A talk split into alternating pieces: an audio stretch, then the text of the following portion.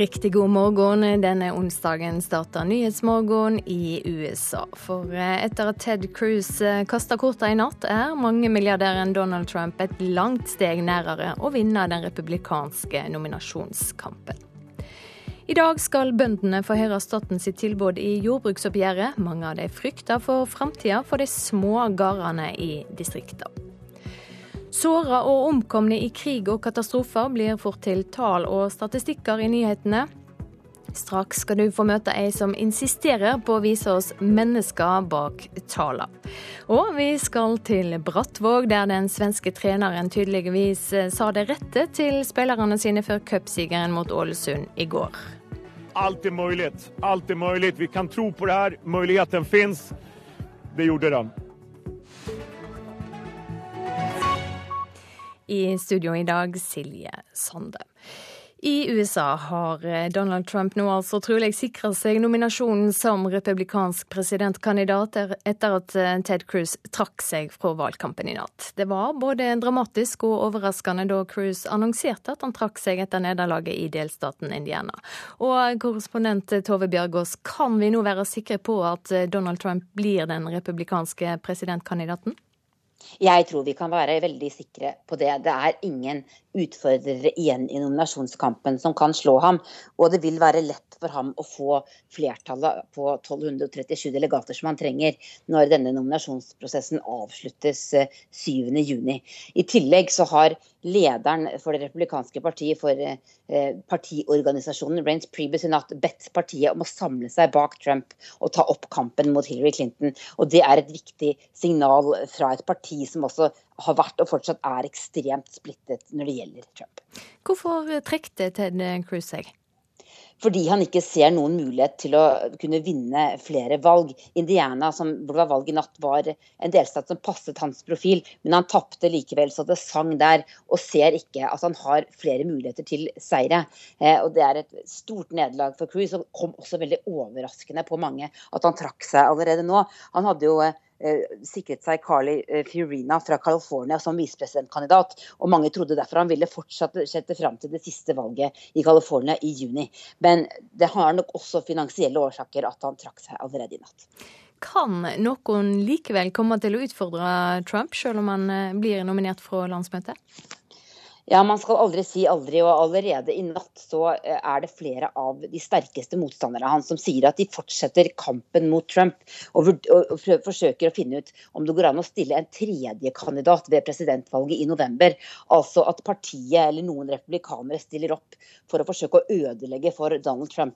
En slik strategi vil neppe føre til at en slik tredjekandidat kan vinne. Eh, det vil trolig føre til at Hillary Clinton vinner valget, men det kan, mener de som ikke liker Trump, redde partiet. Fordi det republikanske partiet er veldig redde nå for at et Trump-kandidatur skal føre til at de også mister flertallet i Kongressen og i Senatet ved valget i november. Fordi det er altså fortsatt bare rundt 25% av de republikanske velgerne som sier at de støtter Donald Trump. Ja, vet vi noe om hva som foregår i kulissene i det republikanske partiet nå? Ja, Der foregår det veldig mye rart, og det har det gjort veldig lenge i denne helt historiske valgkampen som vi aldri har sett maken til. Det er altså veldig veldig mange som har sagt at det kan aldri bli Trump. Nå blir det altså Trump. Det er ingen som, som har klart å gjennomføre en effektiv strategi for å stoppe ham. Og dette landsmøtet har jo vært de som har jobbet i kulissene sitt håp. At de skulle klare å få til en kampvotering der. De sjansene svinner kraftig med det som har skjedd i natt. Eh, men som sagt, vi vil nok se alle mulige andre forsøk på om det er andre ting man kan gjøre her. Og i media så har det også blitt kommentert i månedsvis at Trump ikke kan klare å bli kandidaten. Men, men nå har han altså gjort alle disse spådommene til skamme.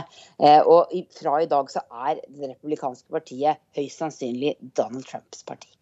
Takk så langt, Tove Bjørgaas. Du blir med videre utover morgenen.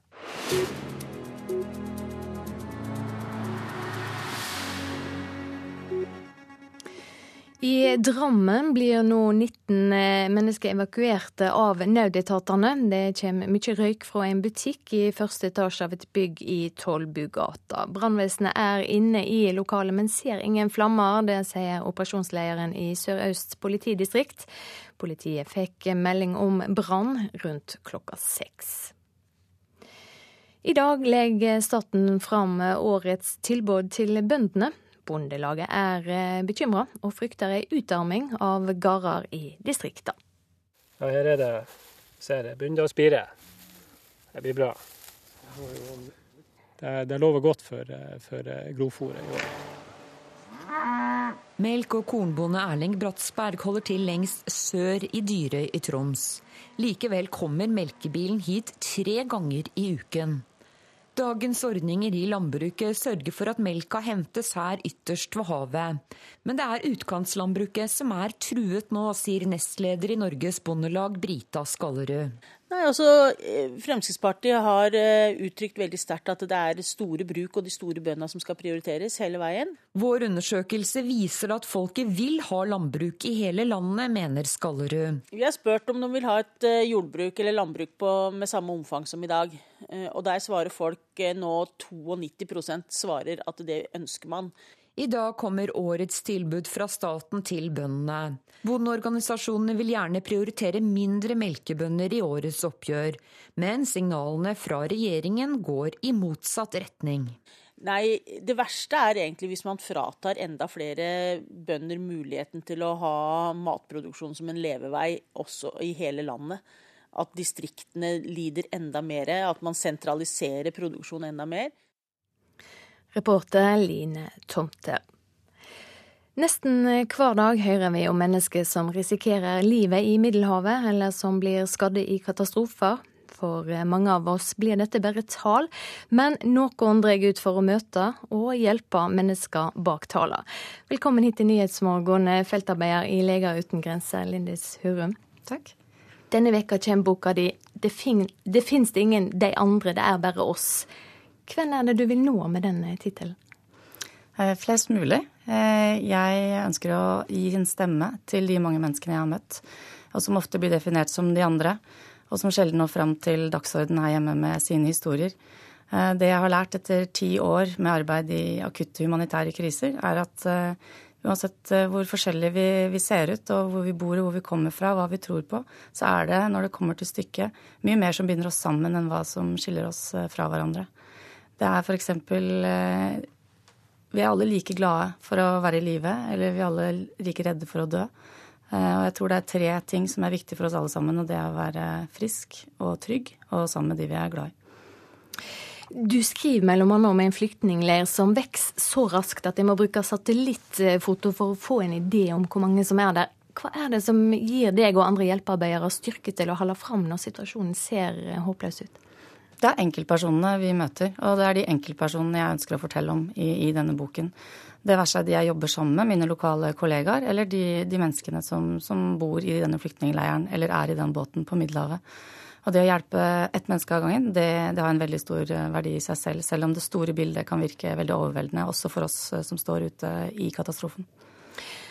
Du skriver om mange mennesker, og felles for en del av det er eh, Du forteller om at de har håp midt i det håpløse? Ja, det er noe som har truffet meg veldig sterkt. Eh, hvis jeg kan føle på, på avmakt og maktesløshet, så opplever jeg veldig sterkt at de som selv er ramma, eh, ofte greier å bevare et håp. Og det at vi er der og hjelper dem og snakker med dem og ser dem som hele mennesker, eh, er ofte det som skal til for å, for å bevare håpet selv når det ser helt håpløst ut. Du traff en 21-åring som hadde én ting med seg over Middelhavet. Ja, jeg møtte en, en ung gutt fra Elfenbenskysten, uh, Diomandé. Um, han uh, hadde vært flere år i Libya, som i dag er et, uh, et forferdelig land. Han hadde kommet seg over i denne båten, og han hadde kun på seg en T-skjorte og en olabukse. Ikke sko, ikke bag, ingenting. De færreste har det. Og det viste seg at han hadde en liten skatt i, i bukselomma si, som han viste, viste meg. Han bretta ut et lite papir, og det var et, et bilde av foreldrene hans. Og de hadde en baby i armene, og den babyen var han. Og det var det eneste han eide eh, i livet. Eh, det, det, ga et perspektiv eh, på mitt liv, eh, på, på, hva som er viktig, og det, det bevarte han eh, som om det var eh, gull. Hvordan er det å komme hjem og koble seg på virkeligheten i Norge innimellom oppdragene? Det er ofte vanskeligst å komme hjem, fordi kontrastene er jo enorme. Eh, men jeg har lært meg å, leve med det, og, og, liker egentlig de kontrastene også. Det, det er, eh, kan ofte være ubehagelig, men eh, det, og det er tøft å se hva som er på agendaen her hjemme. Og det er også derfor jeg valgte å skrive denne boken, for jeg tror historiefortelling har en evne til å nå ut på en helt annen måte enn nyhetssaker. Og vi må ikke kjenne på avmakt eller få dårlig samvittighet når vi hører om det her. Vi må heller bli engasjerte, gjerne provoserte over det vi hører. Vi må evne å ta inn over oss den urett som rammer de som bare bor en flyreise unna. Du skriver om mennesker, men du skriver også om at alle har evne til å fortrenge andre sin menneskelighet. Ja, det har jeg også sett på veldig veldig nært hold. Eh, I, spesielt i Den sentralafrikanske republikk så jeg hvor fort uh, hatretorikk, propaganda uh, og avhumanisering av andre kan føre til helt avskyelige handlinger. Og det tror jeg er allmennmenneskelig. Jeg tror vi alle har evne til eh, både ondskap og forferdelige handlinger. Og den veien er ganske kort. Eh, derfor er det viktig hvordan vi snakker om andre mennesker. Og det er noe vi alle kan gjøre noe med, også her hjemme. Ikke minst nå i det siste syns jeg eh, klima, hvordan vi, vi, snakker om de som ber om hjelp, er uakseptabelt, og vi må passe på. Takk for at du kom til Nyhetsmorgen, Lindis Hurum.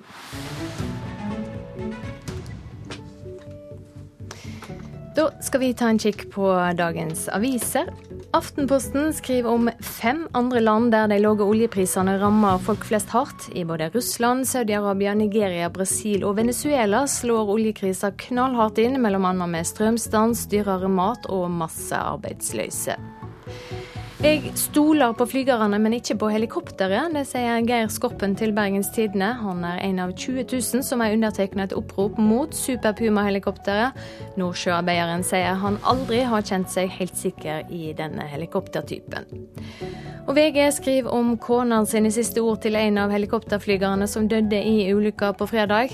Vær forsiktig, jeg elsker deg, sa Agatha Jeruto til Olav Bastiansen før det som skulle bli den siste turen hans.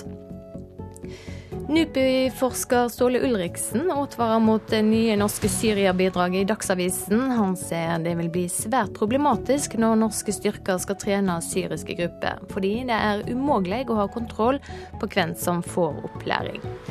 Også Klassekampen skriver om det norske Syria-bidraget. Det folkerettslige grunnlaget er omstridt, kontroversielt og ikke entydig, ifølge Utenriksdepartementet sine egne jurister kan åpne for omstridt genmais, er overskriften i Vårt Land. I løpet av sommeren kan en genmanipulert maistype som tåler giftige sprøytemidler, bli godkjent for bruk i norsk fôr.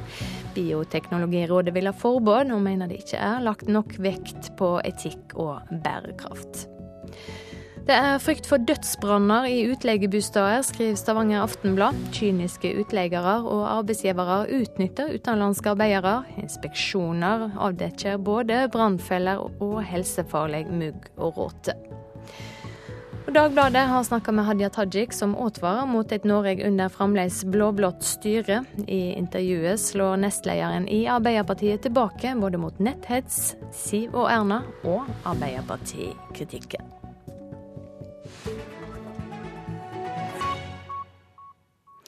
Skal vi ha sport, og Brattvåg detonerte cupbomba da de slo eliteserielaget Ålesund i den tredje runden, runden i cupen i går. Kampen gikk til straffespark, der Kristoffer Hildrestrand setter inn det avgjørende målet og sørger for 5-4-siger til heimelaget.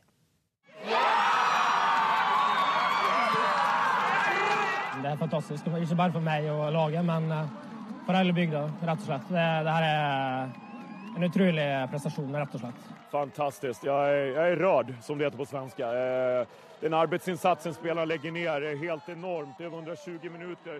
Både straffemålskårer Hildrestrand og klubbens svenske trener Per Gidlund var i skyene etter at seieren var sikret. Brattvågs målsetting denne sesongen var andre runde i cupen. Nå er de klare for fjerde runde, konstaterer en overlykkelig trener. Jeg sa til spillerne i går etter siste treningspasset alt er mulig. Alt er mulig. Vi kan tro på det her. Muligheten fins. Det gjorde den.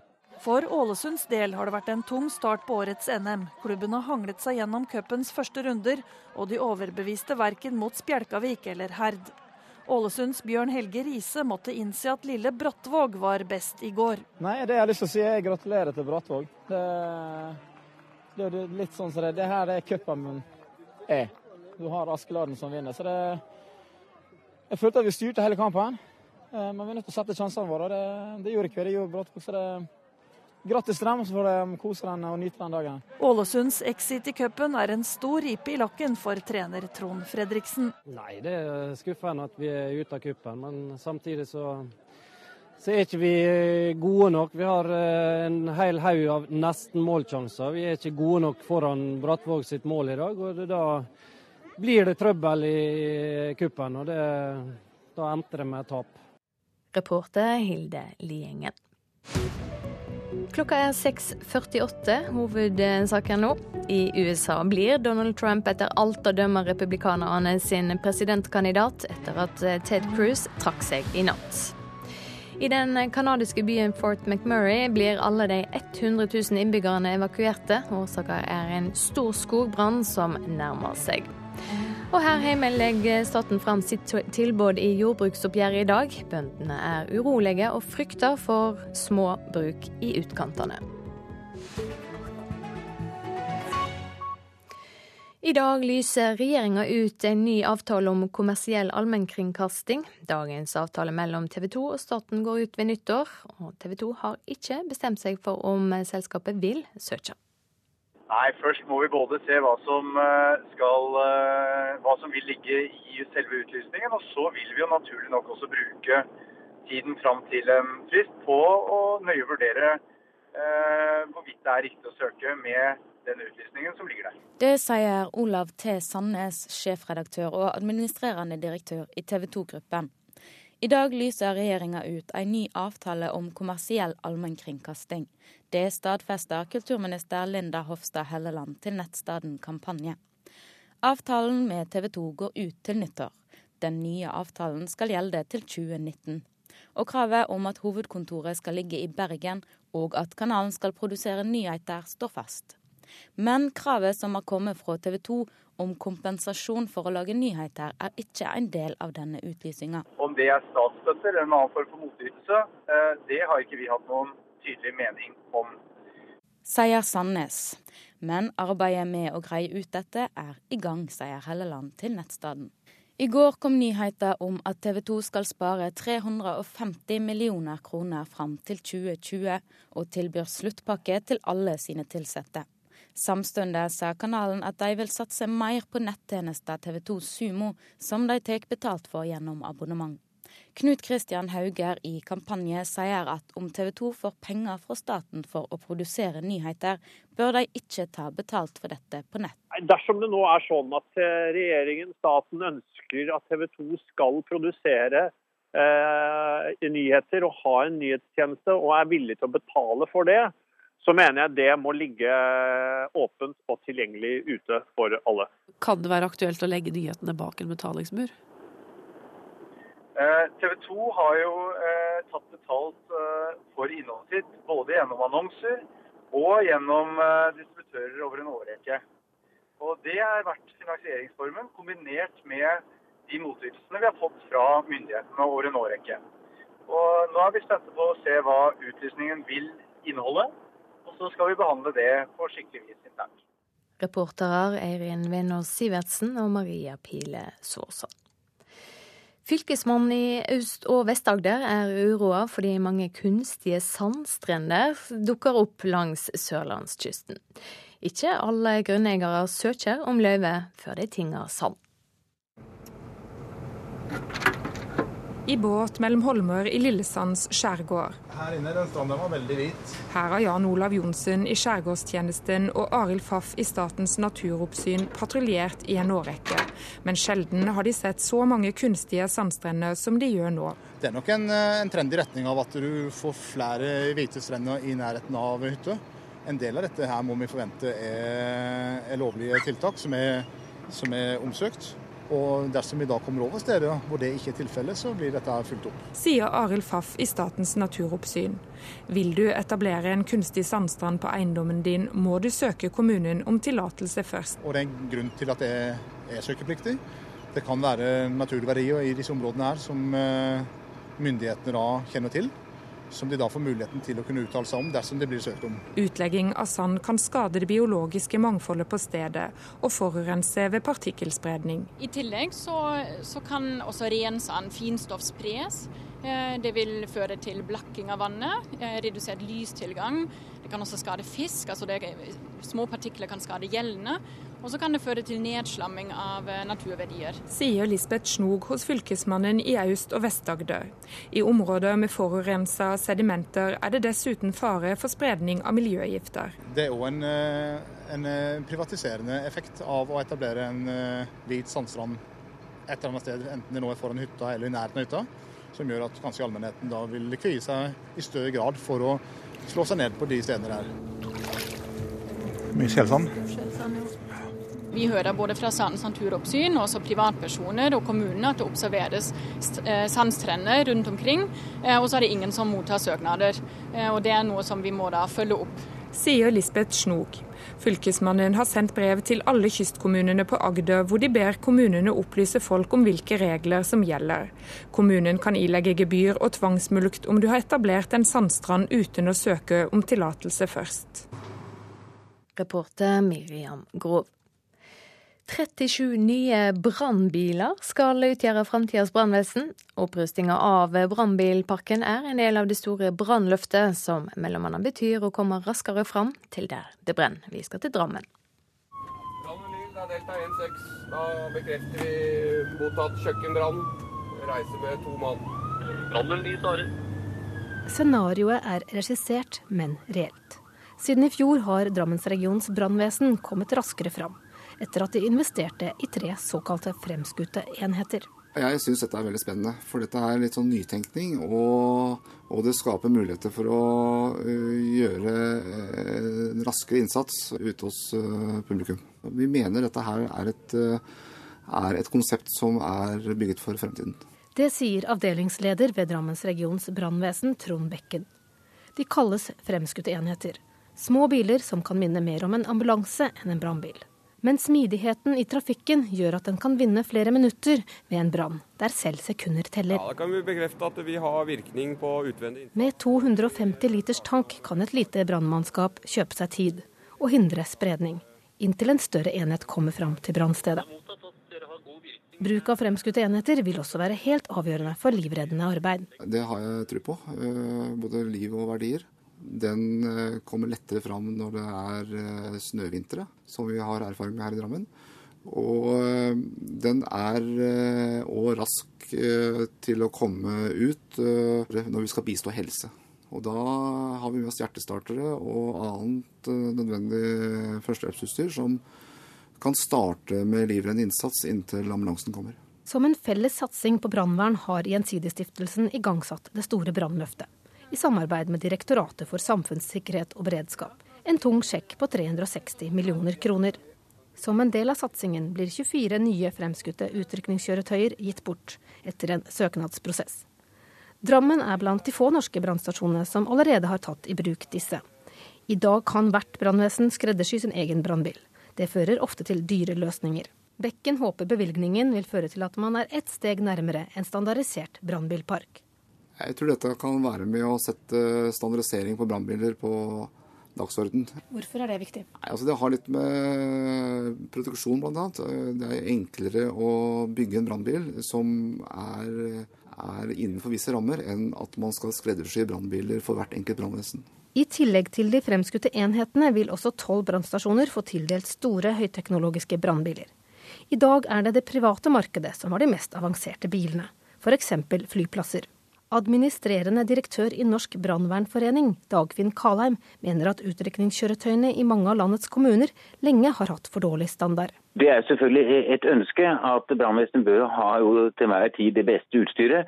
Men så er det jo sånn at dette er jo relativt store investeringer, og for, spesielt da for mindre kommuner. Så eh, brannbiler de har lang levetid i en del kommuner. Så eh, dette vil jo da være et, et godt bidrag som nå Gjensidigestiftelsen kommer med, med da eh, helt ny teknologi og nye slagkraftige brannbiler, som også vil danne standard for fremtidig innkjøp hos kommunene. Burde ikke det offentlige sørge for at brannvesenet har de mest avanserte bilene? Jo, det er jo et offentlig ansvar, kommunens ansvar, å sørge for at man har tilstrekkelig med, med, utstyr og ikke minst biler. Og Det har vært veldig tydelig fra Gjensidigestiftelsen at dette skal ikke være noe som skal frita kommunene dette ansvaret, men dette er da en gave for å være med og styrke ytterligere det som da kommunene har ansvar for. Reporter Merete Glorvigen. Så skal vi ha et eh, værvarsel. Det er venta lokal morgenskodde på Østlandet, ellers fint vær østafjells og i fjellet. På Vestlandet og i Trøndelag blir det opphold og perioder med sol. Økende sørlig vind, stiv kuling ved Stad. Til kveld også på kysten sørover til Bergen. I Nord-Norge vil et svakt nedbørsområde passere østover, med sørvestlig liten kuling utsatte steder i Nordland. Stort sett skyet vær og litt regn av og til. Regnet kommer til Troms og Vest-Finnmark på formiddagen formiddagen, mens Øst-Finnmark ikke får regn før i kveld. Og Med regnet minker lyng- og grasbrannfaren, men sør for Saltfjellet er det fremdeles stor brannfare. På Spitsbergen blir det fremdeles austavær, stort sett skyet og lett snødryss. Så har vi temperaturene målt klokka fem. Kirkenes og Vardø 2. Alta 7, Tromsø-Langnes 6, Bodø 7, Brønnøysund 6, Trondheim-Værnes 3.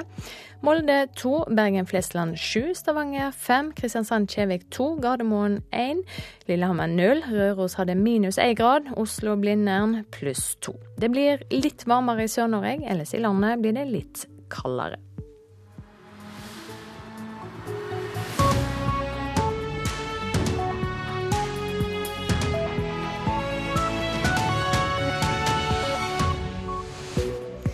Nattas nominasjonsvalg i USA er selvsagt eh, tema også her i Nyhetsmorgen. Vi skal straks møte en norsk politiker som har vært med på republikansk eh, landsmøte.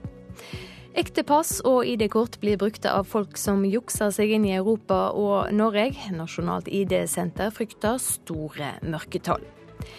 I dag får bøndene høre statens tilbud i årets jordbruksoppgjør. Vår politiske kommentator kommer straks i studio for å snakke om hva slags landbruk regjeringa egentlig vil ha her i landet. Og over 80 000 mennesker er evakuert i den canadiske byen Fort McMurray pga. en stor skogbrann som nærmer seg. I USA er det trolig ingen som kan slå Donald Trump i nominasjonen om å bli republikanerne sin presidentkandidat. I natt vant han eh, nominasjonen i delstaten Indiana, og det førte til at eh, motkandidaten Ted Cruz valgte å trekke seg. From the beginning, I've said that I would continue on as long as there was a viable path to victory. Tonight, I'm sorry to say, it appears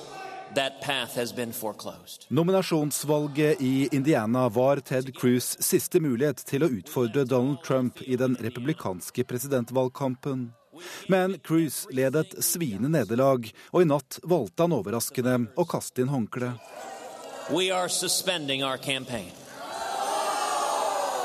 For dette ble en ny stor kveld for Donald Trump. Milliardæren ligger an til å ha fått rundt 53% av stemmene. Dermed vinner han alle de 57 delegatene fra Indiana. Dermed er det bare to republikanske presidentkandidater igjen. Donald Trump og Ohio-guvernør John Kasich. Men Kasich har bare vunnet i hjemstaten, og lederen i den republikanske partiorganisasjonen ber nå republikanerne samle seg bak Donald Trump og fokusere på å slå Hillary Clinton. I New York feiret en uvanlig ydmyk Donald Trump valgseieren i natt. Vel vitende om at det nå er svært lite som kan stoppe ham. Reporter Petter Auli Hauge. Ja, Etter et sviende nederlag i Indiana gir altså Ted Cruz opp forsøket på å bli president i USA. Og korrespondent Tove Bjørgaas, er vi nå sikre? Eh, blir Donald Trump den republikanske presidentkandidaten? Det synes veldig klart at han blir det. Fordi Ted Cruz har trukket seg, så er det ingen som kan utfordre Donald Trump i den resterende valgkampen. John Casey har bare noen få Eh, delegater og mye mindre oppslutning. Og det vil ikke være noe problem for Donald Trump å sikre seg det flertallet han trenger for å kunne komme til eh, landsmøtet i juli med 1237 delegater eller flere, og dermed kunne bli nominert etter reglene i partiet. Vi har også med Kristian Norheim i studio, tidligere utenrikspolitisk talsmann i Fremskrittspartiet og kjenner av det republikanske partiet i USA. Hva mener du er det strake veien fram for Trump nå? Ja, Nå er det lite som kan hindre Trump i å bli republikanernes nominerte. Det som er viktig for Trump nå, er at han eh, konsoliderer partiet. Eh, og vi vil nok de nærmeste tida nå se at han vil eh, legge an en langt mer moderat tone og forsøke seg på en sånn å samle partiet til støtte for han. Fordi at når det nærmer seg noe landsmøte, og landsmøtet til republikanerne skal det på en måte være en en hyllest av kandidatene eh, og en oppbygning til det som skal komme, altså den reelle valgkampen. Eh, det, han har nok et stykke igjen før han kan klare å overbevise eh, partiets base om at han er den rette kandidaten, selv om han blir kandidat. Ja, vil han klare det, å samle partiet? Jeg tror nok det er ganske mange som tviler på det, at det er litt sånn uh, seint. Og at han ikke Han blir jo ansett som en sånn såkalt rhino, altså republican in name only. Han blir e-, egentlig ikke ansett som en republikaner eller konservativ i det hele tatt. En som har kommet litt fra utsida. Uh, litt sånn kort sagt kuppa uh, partiet utenfra. Uh, og som ikke har, eh, har, en base. Han har ikke støtte blant de etablerte, men han har klart å, å skape engasjement hos de som da eh, har stått litt utafor. Tove, John Casick er fremdeles med. Kan Donald Trump bli kuppa? Nei, det er veldig vanskelig å se for seg det. Det eneste muligheten eh, som finnes til det nå, er egentlig at eh, partiet, noen i partiet forsøker å stille en tredje kandidat i tillegg til Clinton og Trump i valget i november. Men en sånn kandidat vil vel sannsynligvis tape. Så det blir jo en slags selvmordsaksjon fra republikanernes side. Men hvis man er så opptatt av å stoppe Trump og på en måte redde partiet i, i framtida, hvis man mener at han er så skadelig, så kan det være en måte å gjøre det på. Det det blir snakket om her når det gjelder John Kasich, det er om, om det kunne tenkes at Donald Trump kunne få med seg han som visepresidentkandidat. Han kommer fra Ohio, en delstat der det skal kjempes hardt mot Hillary Clinton i det såkalte rustebeltet, der Donald Trump har støtte blant veldig mange hvite menn. Og det ville være en stor seier for Trump om han skulle klare det. Kasich har sagt at det aldri kommer til å bli aktuelt, men vi får se. Det er mange som sier ting eh, som aldri blir aktuelt her, eh, men jeg tror det at eh, Trump er helt avhengig av at han får en moderat sidepartner som, som sin visepresidentkandidat. Det er helt åpenbart. Skal han klare å skape et visst engasjement, så han klarer å på en måte vise at han er kandidaten for partiet, og ikke bare en som kommer fra utsida og, og, og tar, tar, plassen, så er han nødt til å prøve å skape et team nå. Det er jo det som blir spennende neste dag. Hvem kommer til å utgjøre, utgjøre Team Trump? Hvem kommer til til å, på en måte være de som snakker han opp på landsmøtet? Landsmøtet er bygd opp sånn at det er en oppvarming, at det er flere kjente politikere da som skal snakke opp kandidaten. Hvem er det som da kommer til å gjøre dette for Trump? Jeg tror det kommer til å komme en del overraskelser i, i dagene som kommer nå, hvem som kommer, faktisk kommer til å gå ut og støtte han nå. Hva har Trump gjort med sjelen i det republikanske partiet? Nei, altså Det republikanske partiet ligger jo egentlig litt sånn uh, slått ut nå. Uh, gjort det en stund, og, og, gjort det lang tid før Trump kom inn også. Han, han fant uh, sin plass oppi dette her. Det har vært rivninger i ganske lang tid nå. Egentlig så skulle dette vært, valget altså hvis, eh, hvis, det hadde vært normalt, så skulle egentlig republikanerne ha tatt eh, dette her ganske greit. Og, og hvis Hillary Clinton hadde blitt kandidaten for, eh, for demokratene, så skulle egentlig republikanerne ha Dette skulle vært hjemmeseier for republikanerne. Ehm, nå stiller jeg meg litt tvilende til om det vil skje. Jeg tror at valget av Donald Trump som kandidat vil føre til at en del holder seg hjemme. Vil føre til at en del går og stemmer på eh, det eh, libertarianske partiet, eh, som har en tidligere republikaner som sin kandidat, Gary Johnson. De vises nesten ikke på noen målinger, men det kan være at de får noen At det blir en sånn slags Ross Perot-effekt for de nå. Eh, og så tror jeg at republikanere eh, allerede nå begynner å tenke, i hvert fall strategene der, eh, begynner å tenke frem mot det som skal skje i 2020. Altså neste gang at de ser på dette som en mellomlanding. Jeg tror det er en del som kommer til å innse at dette er ikke et valg de ønsker å vinne med Trump som kandidat. De ønsker ikke at partiet skal bli dratt enda lenger ned med han. Eh, det kan være at jeg tar feil her, at de, eh, de får gi han sjansen. Men eh, jeg tror at de, mange, mange, ønsker at seieren skal gå til Hillary Clinton, og så planlegger de at hun får fire år maks. Har du planer om å dra over og få med deg i møtet? Det hadde jo vært veldig spennende å, å, deltatt på landsmøtet. Jeg tror det er et av de mest spennende landsmøtene som er. Eh, personlig er jeg ingen tilhenger av Donald Trump, eh, snarere tvert imot. Men jeg tror samtidig det blir veldig spennende. Og, og eh, jeg tror dette er en av de valgkampene eh, det kommer til å bli skrevet og tolka utrolig mye om i åra som kommer. Hva skjedde egentlig? Hvordan var dette mulig at eh, en mann som Donald Trump skulle ende opp som eh, republikanske partiets presidentkandidat? Partiet til Abraham Lincoln, partiet til Ronald Reagan. Det er, eh, det er vanskelig å fatte. Takk for at du kom i studio, Kristian Norheim. Vi må avslutte der. Takk også til deg, korrespondent Tove Bjørgaas.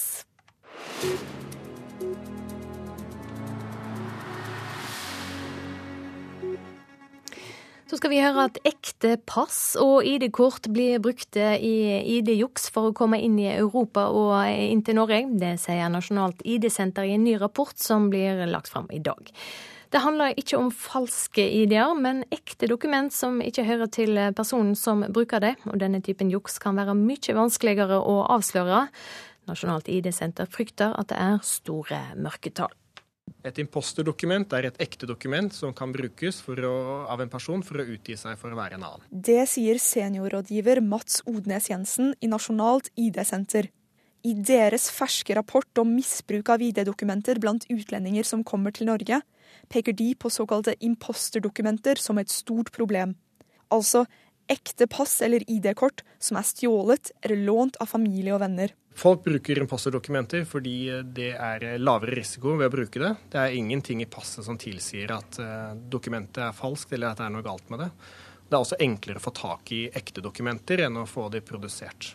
Og det er grunn til å tro at mange ikke blir oppdaget, mener Rodnes Jensen. Vi mener det er store mørketall, fordi hvis man sammenligner de norske tallene med de europeiske tallene, som bl.a. Frontex opererer med, så ser vi at i, front, i Europa generelt så er det en sterk økning av imposterdokumenter. Mens den samme økningen ser man ikke i Norge. Asylsøkere som kommer til politiets utlendingsenhet mangler ofte ID-dokumenter, sier Snorre Øynes, leder ved Avdeling for registrering og identitetsfastsettelse i PU, i en skriftlig kommentar til NRK.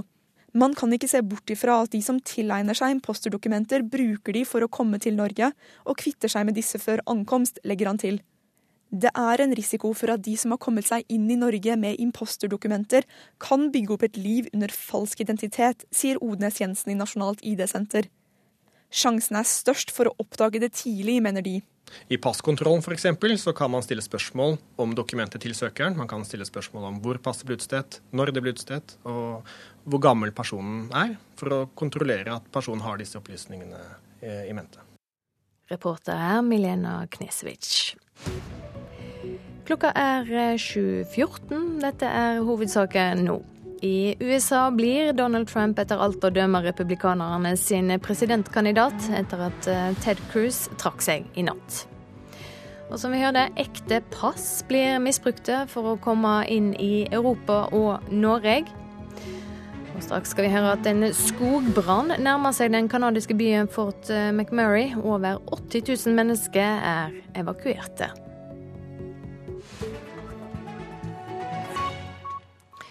I dag skal staten legge fram eh, sitt tilbud til bøndene i årets jordbruksoppgjør. Mange bønder frykter ytterligere utarming av små gårder i distriktene. Vi har grunn til å være urolige, sier Bondelaget. Ja, her er det ser det begynner å spire. Det blir bra. Det, det lover godt for, for grovfòret i år. Melk- og kornbonde Erling Bratsberg holder til lengst sør i Dyrøy i Troms. Likevel kommer melkebilen hit tre ganger i uken. Dagens ordninger i landbruket sørger for at melka hentes her ytterst ved havet. Men det er utkantslandbruket som er truet nå, sier nestleder i Norges Bondelag, Brita Skallerød. Nei, altså, Fremskrittspartiet har eh, uttrykt veldig sterkt at det er store bruk og de store bøndene som skal prioriteres hele veien. Vår undersøkelse viser at folket vil ha landbruk i hele landet, mener Skallerud. Vi har spurt om de vil ha et eh, jordbruk eller landbruk på, med samme omfang som i dag. Eh, og der svarer folk nå 92% svarer at det ønsker man. I dag kommer årets tilbud fra staten til bøndene. Bondeorganisasjonene vil gjerne prioritere mindre melkebønder i årets oppgjør, men signalene fra regjeringen går i motsatt retning. Nei, det verste er egentlig hvis man fratar enda flere bønder muligheten til å ha matproduksjon som en levevei også i hele landet. At distriktene lider enda mer, at man sentraliserer produksjonen enda mer. Det knytter seg enda større spenning til høstens stortingsmelding om landbruket. Da kan dagens utjevningsordninger stå for fall. Tine f.eks. har mottaksplikt og har plikt til å hente hver en mjølkeskvett rundt i hele Norges land. Som gjør at faktisk den lille bonden er like viktig som den store bonden til å fylle mjølkemarkedet i Norge. Ordningen i landbruket sørger for at bønder som holder sau og kyr er sikret betaling, selv om de bor i utkantstrøk. Eh, vi er villige til å ha samme mjølkeprisen samme hvor du bor hen i Norge.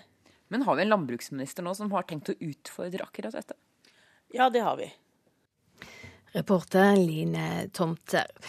Nå er eh, du kommet i studio, Magnus Takvam, politisk kommentator her i NRK. Hva er det venta at staten legger fram i dag? Nei, Det vil nok framstå som eh, ganske stor avstand mellom det staten vil tilby og det eh, bondeorganisasjonene har, har, krevd. De krevde jo 860 millioner kroner i, i eh, tillegg på, på, i, i, sitt krav, og en ganske kraftig endring av profilen til for, for, for, å, for, å, la de mindre brukene ta igjen noe av den eh, inntekts, eh, de, inntekts, de inntektsforskjellene som har utviklet seg. Sånn at både på profil og på volum når det gjelder pengekrav, så, så vil nok dette framstå som, som langt unna kravet. Ja, For hva retning vil regjeringa at landbruket skal gå i? Nei, De vil jo at de, de vil øke lønnsomheten i eh, landbruket. De vil prioritere den delen av landbruket der man kan få økt matproduksjon. Eh, og det skjedde jo en stor omlegging av dette i 2014, slik at de fleste grepene som skulle legge om landbruksproduksjonen i den retningen, er allerede gjort. Eh, men det er da eh, det som viser seg i inntektsutviklingen nå, som den såkalte Listhaug-effekten, som bondeorganisasjonene prøver å reversere ved å ha et krav som eh, prioriterer de, de mindre brukene. Men regjeringen vil nok hevde at bondeorganisasjonene i altfor stor grad overfører midler tilbake igjen til de små, også fra, og på bekostning av de mellomstore og de store, ikke bare, ikke bare eh, de aller minste eh, her. I hva grad ser regjeringa til Stortinget, og til hva Venstre og KrF mener når de legger fram sitt tilbud? Nei, de må ta hensyn til hva Venstre og KrF eh, har for, for standpunkt i landbrukspolitikken. Det er en mindretallsregjering, og vi opplevde jo i 2014, da dette store konfliktåret var, at Eh, landbruksorganisasjonene brøt forhandlingene, og Venstre og KrF eh, modererte oppgjøret i Stortinget. Det vil man svært lite gjerne ha et, en repetisjon av, så man må skjele til Venstre og KrF også når man legger fram tilbudet eh, i dag. Så det, det, blir spennende å se i hvor stor grad man da gjør det. Takk skal du ha, Magnus Torkvam.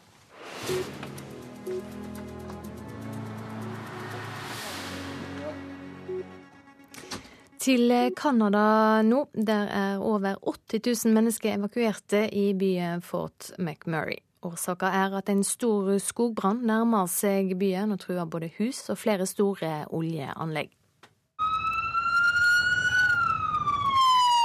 Det var tilløp til panikk på veien ut av Fort McMurray da canadiske myndigheter i morgentimene norsk tid beordret evakuering av hele byen på 80 000 mennesker. Brannmannskaper har klart å holde brannen under kontroll sør for byen i et par dager, men i natt har det blåst opp, og brannen sprer seg nå raskt.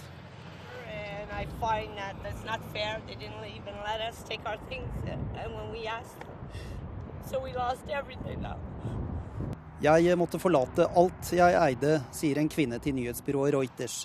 Bensinstasjoner har gått i luften, og flere hus er allerede brent ned, mens innbyggerne flykter fra byen. Alberta-regionen er inne i en periode med tørke og sterk varme.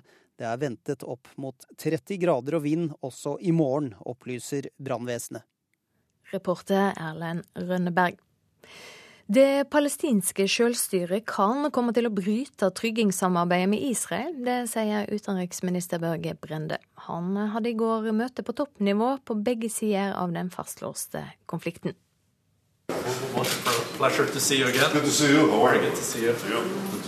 Utenriksminister Børge Brende startet i går en rundreise her i Midtøsten med møter både med Israels statsminister Benjamin Netanyahu og palestinernes president Mahmoud Abbas. Han møtte to ledere som ikke lenger snakker sammen.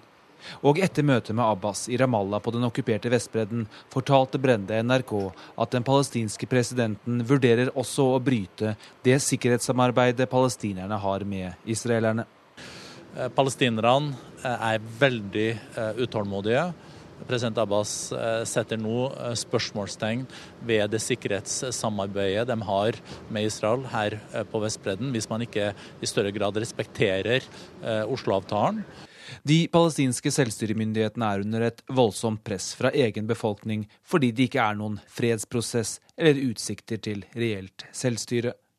Mange palestinere har gått til individuelle angrep på israelske soldater og også sivile det siste halvåret. Voldsbølgen har dempet seg, men det var nylig et selvmordsangrep på en buss. Og i forgårs ble en israeler knivstukket på ny utenfor gamlebyen i Jerusalem. Nå er du tilbake på hotellet i Jerusalem etter et møte med både Netanyahu og Abbas. og Like etter møtet med Abbas så sa du at uh, palestinerne vurderer et brudd i sikkerhetssamarbeidet med, med, israelerne. Hva ligger i det? Det som eh, president Abbas sa til meg, er jo at en eh, forutsetning uh, i Oslo-avtalen uh, fra 93 er at palestinerne skal ta ansvar for egen sikkerhet. Han mener at de gjør det og at Israel trenger seg inn i deres eh, områder. Og hvis det ikke opphører, eh, så vil de bryte den utveksling de har av informasjon eh, om sikkerhet og det som skjer på Vestbredden, som også Israel er veldig avhengig av. Men det er i så fall et trekk fra en palestinsk president med lite handlingsrom, og et uttrykk for hvor langt unna man er en ordentlig fredsprosess. Som så ofte under disse diplomatiske besøkene er det mye snakk knyttet til eventuelle framtidige hendelser og diplomatiske initiativ. Denne gangen håper palestinerne på at et stort franskorganisert utenriksministermøte kan endre situasjonen. Det er også spekulasjoner om at statsminister Netanyahu på sikt kan endre regjeringssammensetningen og gå mot sentrum. Men Netanyahu uttrykte veldig tydelig i valgkampen at eh, med han som statsminister så blir det ikke noen eh, palestinsk stat.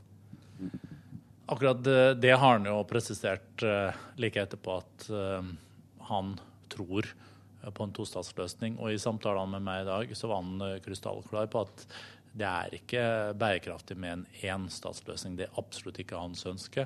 Han ønsker en tostatsløsning. Men de har jo sitt forhandlingsutgangspunkt. Men det er iallfall appellert om at inntil man får på plass politiske forhandlinger igjen, som er helt avgjørende, så må man iallfall vise at man ikke gjør det vanskeligere å etablere en uh, tostatsløsning. Man må uh, stoppe med nye bosetninger. Man må imøtekomme palestinernes krav om å få drive næringsvirksomhet og jobbutvikling på sitt eget område. Der er det jo uh, urimelige stengsler i dag. Det sa utenriksminister Børge Brende til vår Midtøsten-korrespondent Sigurd Falkenberg Mikkelsen. Så en rask kikk på noen av dagens aviser. Aftenposten skriver om fem andre land der de lave oljeprisene rammer folk flest hardt. I både Russland, Saudi-Arabia, Nigeria, Brasil og Venezuela slår oljekrisa knallhardt inn, bl.a. med strømstans, dyrere mat og masse arbeidsløse. Jeg stoler på flygerne, men ikke på helikopteret. Det sier Geir Skorpen til Bergens Tidende. Han er en av 20 000 som har undertegnet et opprop mot Super Puma-helikopteret. Nordsjøarbeideren sier han aldri har kjent seg helt sikker i denne helikoptertypen. Og VG skriver om kona sine siste ord til en av helikopterflygerne som døde i ulykka på fredag. Vær forsiktig, jeg elsker deg, sa Agatha Geruto til Olav Bastiansen før det som skulle bli den siste turen hans. NUPI-forsker Ståle Ulriksen advarer mot det nye norske Syria-bidraget i Dagsavisen. Han ser det vil bli svært problematisk når norske styrker skal trene syriske grupper, fordi det er umulig å ha kontroll på hvem som får opplæring. Og Dagbladet har snakka med Hadia Tajik, som advarer mot et Norge under fremdeles blå-blått styre. I intervjuet slår nestlederen i Arbeiderpartiet tilbake både mot netthets, Siv og Erna, og Arbeiderpartikritikken.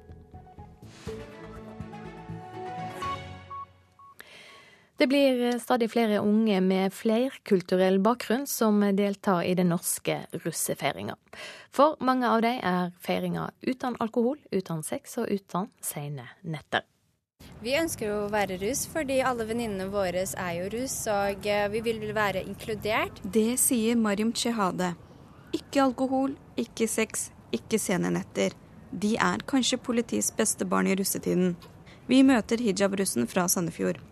Den fornuftige russen, som de kaller seg for, er klare for å delta i årets russefeiring. En av dem er Sasan Khalid, som mener at det går an å ha det gøy uten alkohol. Um, altså Russetida handler jo ikke bare om drikking, fyll, sex og alt det greiene. Selv om de fleste ser jo på det som det. Men jeg er jo russ, eh, og jeg er jo ikke en som går rundt og ligger med andre eller drikker. Jeg, jeg kommer til å være edru hele russetida. Og kommer jo til å kose meg like mye som alle det de andre gjør, selv om de drikker og sånn. Jeg kommer til å ha det mye gøyere enn de. Alle jentene har spurt om tillatelse av foreldrene sine for å bli russ. Vi syns det er veldig viktig å bevare den kulturen vi er fra, men samtidig ønsker vi å nyte den nye kulturen vi er en del av nå, sier Doha Avla. De tenker på det som noe helt vanlig, fordi at uh, vi er også en del av det norske samfunnet nå som vi har bodd her og oppvokst her og gått på skole med alle de andre norske elevene. Men det er med måte. Eh, ja, det er jo det. Det er jo valg man tar. Det betyr ikke at uh, bare fordi at vi er utlendinger, så skal ikke vi få gå på slike eventer. Det er jo mange norske som også ikke gjør det. Ingen av jentene har tenkt å dra til de store russetreffene på Tryvann, Lillehammer eller Stavanger. Men det er et treff de gleder seg til. Ja, det er Tusenfryd. Russens dag på Tusenfryd. Ja, russens dag på Tusenfryd. Det blir alkoholfri. Men hva med gutter med innvandrerbakgrunn? Dessverre noen muslimer som jeg kjenner, spesielt gutter, som går og feirer sånne som de norske feirer det. Det er likestilling egentlig, men Spesielt i det eh, samfunnet vi lever i i dag, ja. så skal det ikke være noe forskjell om det er gutter eller jenter. Men er det riktig at uh, innvandrergutter kanskje får lov til litt mer enn det vi jenter? Nei. Det spørsmålet har blitt gjentatt flere ganger. Men det går an på, på, familien. Jeg tror egentlig ikke de tillater noe, bare at de gjør det liksom uten at ja, foreldrene vet mm, det. Vet jeg mener at det er stor forskjell mellom utlendinger, altså jenter og gutter. Gutter har jo, har jo mer si, frihet. De får jo lov til å gjøre mer, eller gjør mer, da. Og ikke er redd for det, liksom. Men vi jenter er jo litt annerledes når det gjelder kulturen. Reporter her, Hina Aslam. Produsent for Nyhetsmorgen i dag, Ingvild Ryssdal. Her i studio, Silje Sande.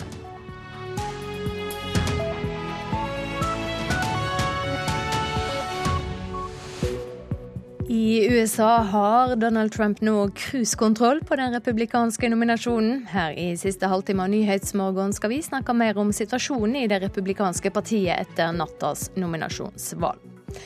Og situasjonen er dramatisk for innbyggerne i canadiske Fort McMurray. Vi skal få siste nytt om den store skogbrannen som truer byen.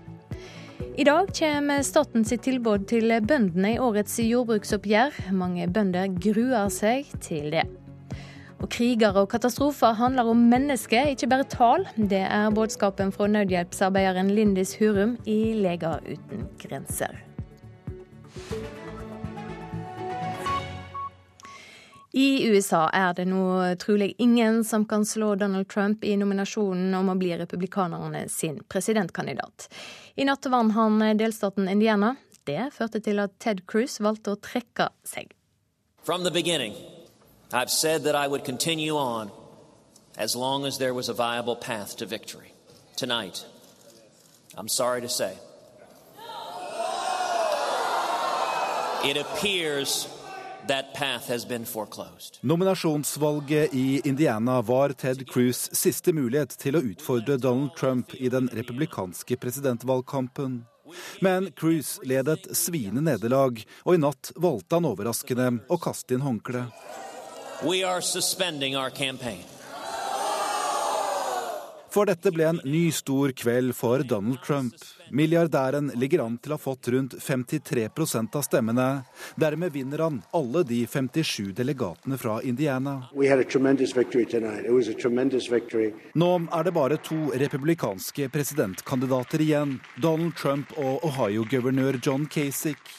Men Kasich har bare vunnet i hjemstaten, og lederen i den republikanske partiorganisasjonen ber nå republikanerne samle seg bak Donald Trump. I want to congratulate Ted. I New York feiret en uvanlig ydmyk Donald Trump valgseieren i natt, vel vitende om at det nå er svært lite som kan stoppe ham. Reporter Petter Auli Hauge. Og på demokratisk side er det Bernie Sanders som ser ut til å vinne Indiana.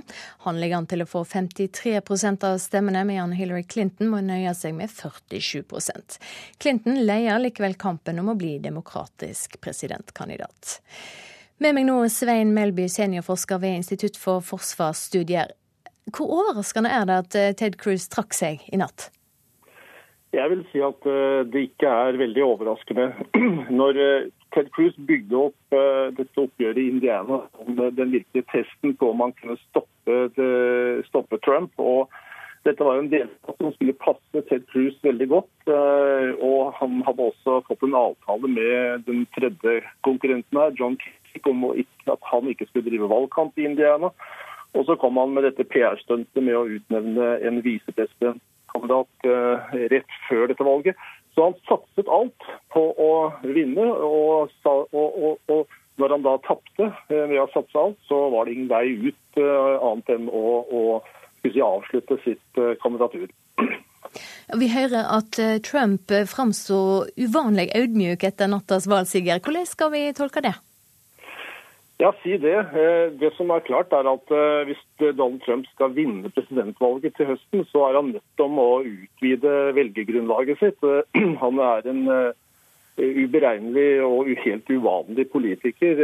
og Derfor er det alltid vanskelig å, å, å si eksakt hva slags sjanser han har i det kommende presidentvalget. Men men han er nødt til å opptre med litt annen eh, tyngde og litt annen stil, skal han kunne appellere til eh, si, uavhengige og moderate velgere. Og det er, det er stilproblemet som er det største som Trump sliter med. fordi politisk er han eh, en langt mer moderat enn, det, enn de fleste amerikanere er. og Det har jo liksom vært argumentet mot ham i partiet også. Er det grunn til å tro at han vil klare å utvide velgergrunnlaget? Ja, får, det, det, er jo bare tiden som viser. Men vi som, eh, som skal ha noe håp om å slå Hillary Clinton, fordi demokratene og, og, Hillary Clinton som første kvinnelige president, muligens, stiller i utgangspunktet med veldig gode kort i dette valget.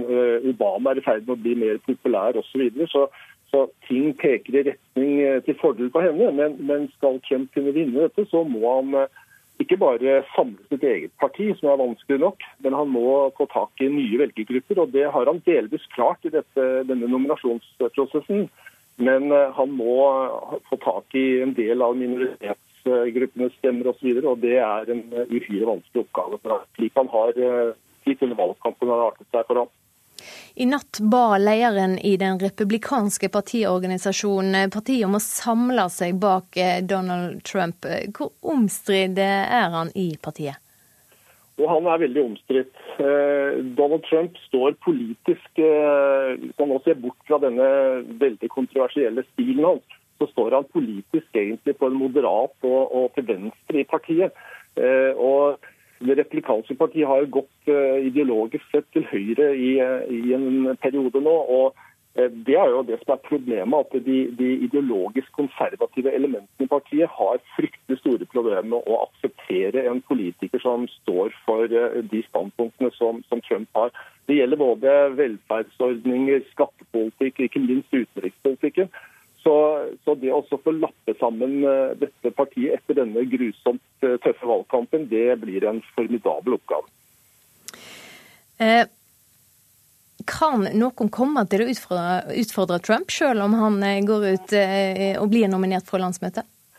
Ja, det er jo krefter i det replikanske partiet som uh, går ut og, og åpent uh, argumenterer for at man må komme en uavhengig konservativ kandidat. Men her er det en del formelle problemer med, med å melde seg på innenfor visse tidsfrister osv. Og, og erfaringene, historiske erfaringer viser at uh, uavhengige kandidat, tredjekandidater i amerikanske presidentvalg, det valgsystemet man har, og med finansiering og alt dette her, så er uhyre vanskelig. Så jeg har vel ikke noe stor tro på det. Så det er nok mer sannsynlig at eh, det blir eh, de to, eh, Trump og Hillary Clinton, som kommer til å kjempe om denne valgseieren.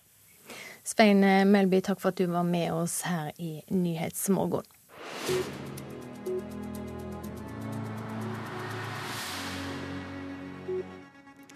Nå ser det ut til at det bare er formaliteter som står igjen før Erik Solheim blir sjef for FNs miljøprogram, UNEP.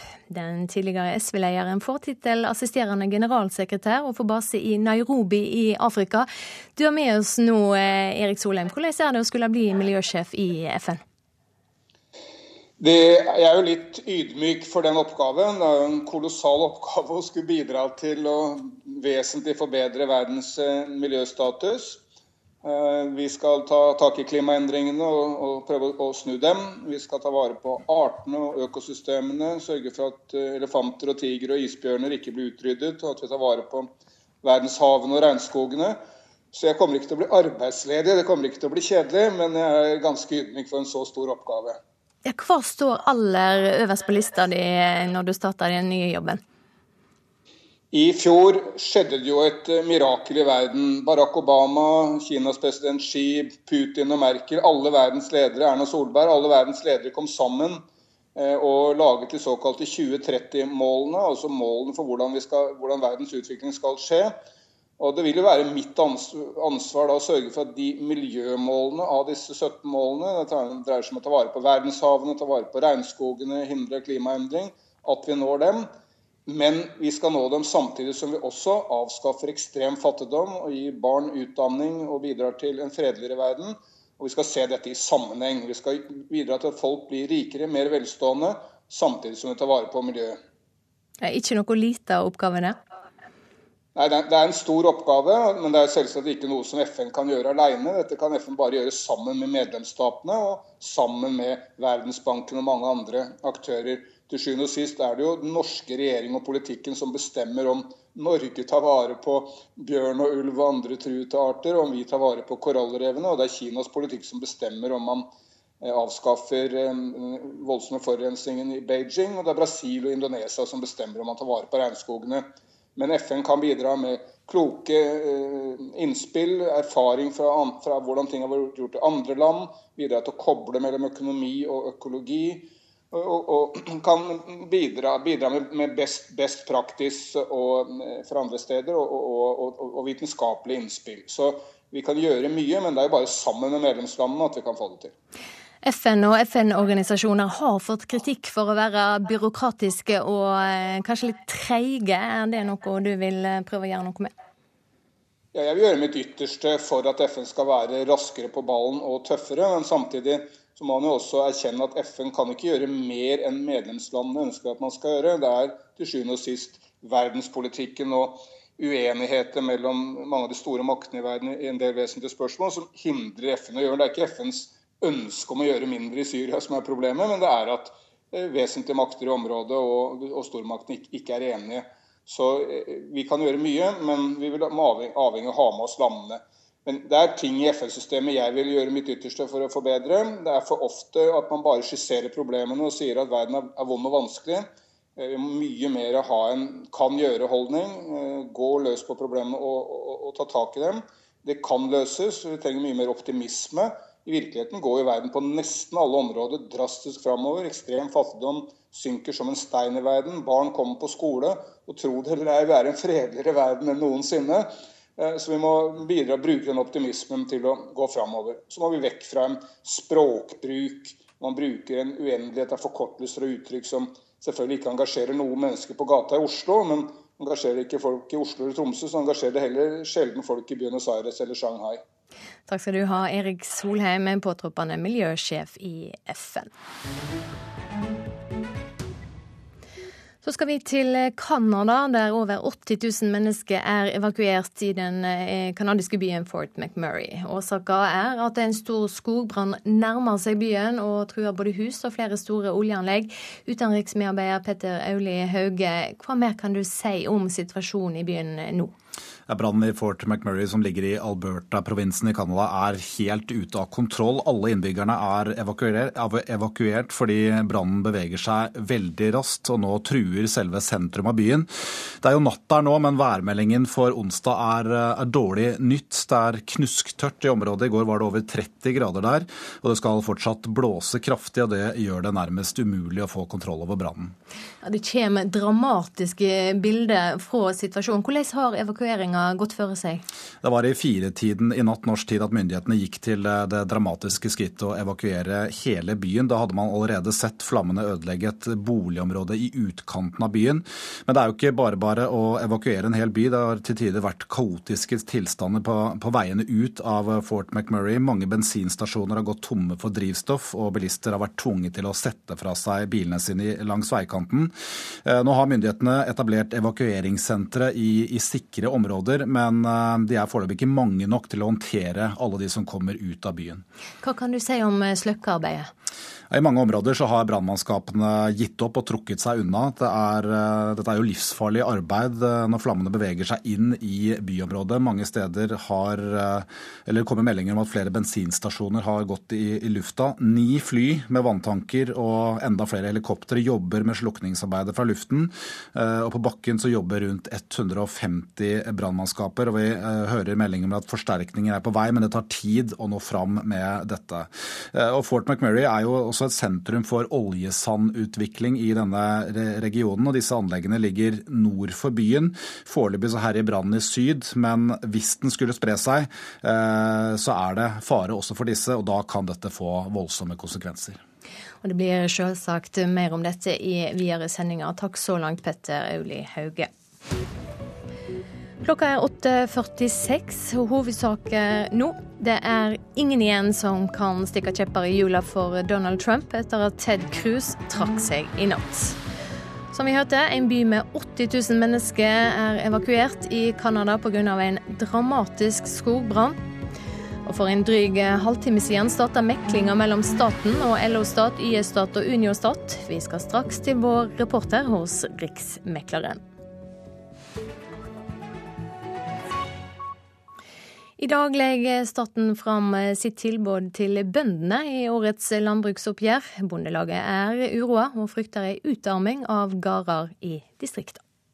Ja, her er det ser jeg, begynner å spire. Det blir bra. Det, det lover godt for, for eh, grovfòret i år. Melk- og kornbonde Erling Bratsberg holder til lengst sør i Dyrøy i Troms. Likevel kommer melkebilen hit tre ganger i uken. Dagens ordninger i landbruket sørger for at melka hentes her ytterst ved havet. Men det er utkantslandbruket som er truet nå, sier nestleder i Norges Bondelag, Brita Skallerud. Nei, altså eh, Fremskrittspartiet har eh, uttrykt veldig sterkt at det er store bruk og de store bøndene som skal prioriteres hele veien. Vår undersøkelse viser at folket vil ha landbruk i hele landet, mener Skallerud. Vi har spurt om de vil ha et eh, jordbruk eller landbruk på, med samme omfang som i dag. Og der svarer folk nå 92% svarer at det ønsker man. I dag kommer årets tilbud fra staten til bøndene. Bondeorganisasjonene vil gjerne prioritere mindre melkebønder i årets oppgjør, men signalene fra regjeringen går i motsatt retning. Nei, det verste er egentlig hvis man fratar enda flere bønder muligheten til å ha matproduksjon som en levevei også i hele landet. At distriktene lider enda mer, at man sentraliserer produksjonen enda mer. Reporter Line Tomte. Klokka åtte i dag tidlig starta meklinga mellom staten og LO-stat, YS-stat og Unio-stat. Og reporter Lars Egil Mogå, du er på plass hos Riksmekleren. Hvem er det denne meklinga gjelder? Jo, denne meklinga gjelder rundt 100 000 ansatte i staten. Så det er jo et stort antall som er omfatta av denne meglinga. Nå klokka åtte så kom som du sa, representanter for de tre hovedsammenslutningene hit til Riksmegleren. Eh, man sa at dette møtet vil i dag eh, bare vare en kvarter 20 minutter, men jeg ser fortsatt at de sitter inne eh, sammen med Riksmegleren og statens personaldirektør for å presentere kravene som de har i forbindelse med denne meglinga. Møtet i dag er rent praktisk en ren formalitet, hvor man bare presenterer kravene. Selve hovedmeklinga starter førstkommende mandag, eh, og Riksmegleren har da frist til eh, ja, 25. mai for å se om det er mulighet til å komme fram til enighet i denne meglinga. Hva ser ut til å bli det vanskeligste i denne meklinga? Ja, Bakteppet for årets megling er både sammensatt og svært komplisert. Eh, ramma i penger er vel ikke det store eh, stridsspørsmålet. Der forholder man seg jo vel i stor grad til det såkalt frontfagene oppnådde. Men eh, det ble jo komplisert eh, da den fjerde hovedsammenslutninga, Akademikerne, godtok en avtale med staten uh, under den, uh, i forhandlingene som skjedde, mens de tre hovedsammenslutningene LO, Unio og YS da ikke godtok uh, det forslaget som staten la fram. Og Det ble jo ikke mer, mindre krevende etter den kollapsen som var i pensjonsforhandlingene mellom de fire hovedsammenslutningene og arbeidsminister Anniken Hauglie i går. Hun avviser jo kontant kravet om reelle forhandlinger Eh, med konfliktrett om offentlig tjenestepensjon. Det gjorde at motparten reagerer svært sterkt. Og de sier at de vil ta inn dette pensjonsspørsmålet i meglinga som nå pågår. Så dette blir svært eh, krevende. Det sa vår reporter Lars Egil Mogård på plass hos Riksmekleren. Og meklingsfristen går altså ut 25. mai. Nesten hver dag hører vi om mennesker som risikerer livet i Middelhavet, eller som blir skadde i katastrofer. For mange av oss blir dette bare tall, men noen drar ut for å møte og hjelpe mennesker bak tallene. Mellom dem er feltarbeider i Leger uten grenser, Lindis Hurum. Denne veka kommer hun med boka 'Det fins det ingen de andre, det er bare oss'. Jeg ønsker å gi en stemme til de mange menneskene jeg har møtt, og som ofte blir definert som de andre og som sjelden når fram til dagsorden her hjemme med sine historier. Eh, det jeg har lært etter ti år med arbeid i akutte humanitære kriser, er at eh, uansett eh, hvor forskjellig vi, vi, ser ut, og hvor vi bor og hvor vi kommer fra, hva vi tror på, så er det, når det kommer til stykket, mye mer som binder oss sammen enn hva som skiller oss fra hverandre. Det er f.eks. Vi er alle like glade for å være i live, eller vi er alle like redde for å dø. Eh, og jeg tror det er tre ting som er viktig for oss alle sammen, og det er å være frisk og trygg og sammen med de vi er glad i. Du skriver mellom annet om en flyktningleir som vokser så raskt at de må bruke satellittfoto for å få en idé om hvor mange som er der. Hva er det som gir deg og andre hjelpearbeidere styrke til å holde fram når situasjonen ser håpløs ut? Det er enkeltpersonene vi møter, og det er de enkeltpersonene jeg ønsker å fortelle om i, i denne boken. Det være seg de jeg jobber sammen med, mine lokale kollegaer, eller de, de menneskene som, som, bor i denne flyktningleiren eller er i den båten på Middelhavet. Og det å hjelpe ett menneske av gangen, det, det, har en veldig stor eh, verdi i seg selv. Selv om det store bildet kan virke veldig overveldende, også for oss eh, som står ute i katastrofen. Du skriver om mange mennesker, og felles for en del av det er eh, Du forteller om at de har håp midt i det håpløse? Ja, det er noe som har truffet meg veldig sterkt. Eh, hvis jeg kan føle på, på avmakt og maktesløshet, så opplever jeg veldig sterkt at de som selv er ramma, eh, ofte greier å bevare et håp. Og det at vi er der og hjelper dem og snakker med dem og ser dem som hele mennesker, eh, er ofte det som skal til for å, for å bevare håpet selv når det ser helt håpløst ut. Du traff en 21-åring som hadde én ting med seg over Middelhavet. Ja, jeg møtte en, en ung gutt fra Elfenbenskysten, uh, Diomandé. Um, han uh, hadde vært flere år i Libya, som i dag er et, uh, et forferdelig land. Han hadde kommet seg over denne båten, uh, og han hadde kun på seg en T-skjorte og en olabukse. Ikke sko, ikke bag, ingenting. De færreste har det. og det viste seg at han hadde en liten skatt i, i bukselomma si, som han viste, viste meg. Han bretta ut et lite papir, og det var et, et bilde av foreldrene hans. Og de hadde en baby i armene, og den babyen var han. Og det var det eneste han eide eh, i livet. det, det, ga et perspektiv på mitt liv, på, på hva som er viktig, og det, det bevarte han som om det var gull. Hvordan er det å komme hjem og koble seg på virkeligheten i Norge innimellom oppdragene? Det er ofte vanskeligst å komme hjem, fordi kontrastene er jo enorme. Eh, men jeg har lært meg å, leve med det, og, og, liker egentlig de kontrastene også. Det, det er, eh, kan ofte være ubehagelig, men eh, det, og det er tøft å se hva som er på agendaen her hjemme. Og det er også derfor jeg valgte å skrive denne boken, for jeg tror historiefortelling har en evne til å nå ut på en helt annen måte enn nyhetssaker. Og vi må ikke kjenne på avmakt eller få dårlig samvittighet når vi hører om det her. Vi må heller bli engasjerte, gjerne provoserte Eh, over det vi hører. Vi må evne å ta inn over oss den urett som rammer de som bare bor en flyreise unna. Du skriver om mennesker, men du skriver også om at alle har evne til å fortrenge andre sin menneskelighet. Ja, det har jeg også sett på veldig veldig nært hold. Eh, I, spesielt i Den sentralafrikanske republikk så jeg hvor fort uh, hatretorikk, propaganda uh, og avhumanisering av andre kan føre til helt avskyelige handlinger. Og det tror jeg er allmennmenneskelig. Jeg tror vi alle har evne til eh, både ondskap og forferdelige handlinger. Og den veien er ganske kort. Eh, derfor er det viktig hvordan vi snakker om andre mennesker. Og det er noe vi alle kan gjøre noe med, også her hjemme. Ikke minst nå i det siste syns jeg eh, klima, hvordan vi, vi, snakker om de som ber om hjelp, er uakseptabelt, og vi må passe på. Det sa Lindis Hurum, feltarbeider i Leger uten grenser. Meteorolog Rafael Escobar Løvdahl, det er en strålende dag i vente på Sør- og Østlandet. Ja, veldig riktig det. Det var noe tåke på Eller Østfold hadde noe tåke til morgenen i dag, også rundt omkring Oslo og litt nordover. Men nå har den lettet, og det blir en strålende dag med mye sol. Og temperaturene vil nok komme opp i en 15 grader mange steder. Kaldt i vannet fortsatt, så du får en slags solgangsbris langs kysten fra Oksøy omtrent eh, på sørlandskysten og videre opp til Ferdrum. Da vil det blåse en sørvest frisk bris i løpet av ettermiddagen. Og mye blå himmel, sagt, men noe cirrus vil det jo være. Det er disse tynne iskrystallskyene høyt, høyt oppe. Og disse Sirius-skyene det kan vel tyde på et lågtrykk i vest? Helt riktig, veldig bra. Dette har du lest deg opp om, skjønner jeg.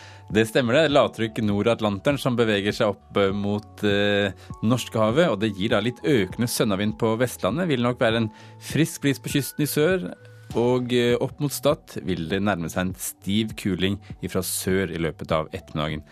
En god del sol, men eh, noe cirrus og noe annet sky, så det vil være litt sånn eh, eh blanda. Men noe sol vil man også kunne se på Vestlandet, men det er særlig da de sørlige områdene. Også noe sol i Trøndelag og eh, Møre og Romsdal. Stort sett bris fra sør og oppåsvær, som det også er på Vestlandet for øvrig.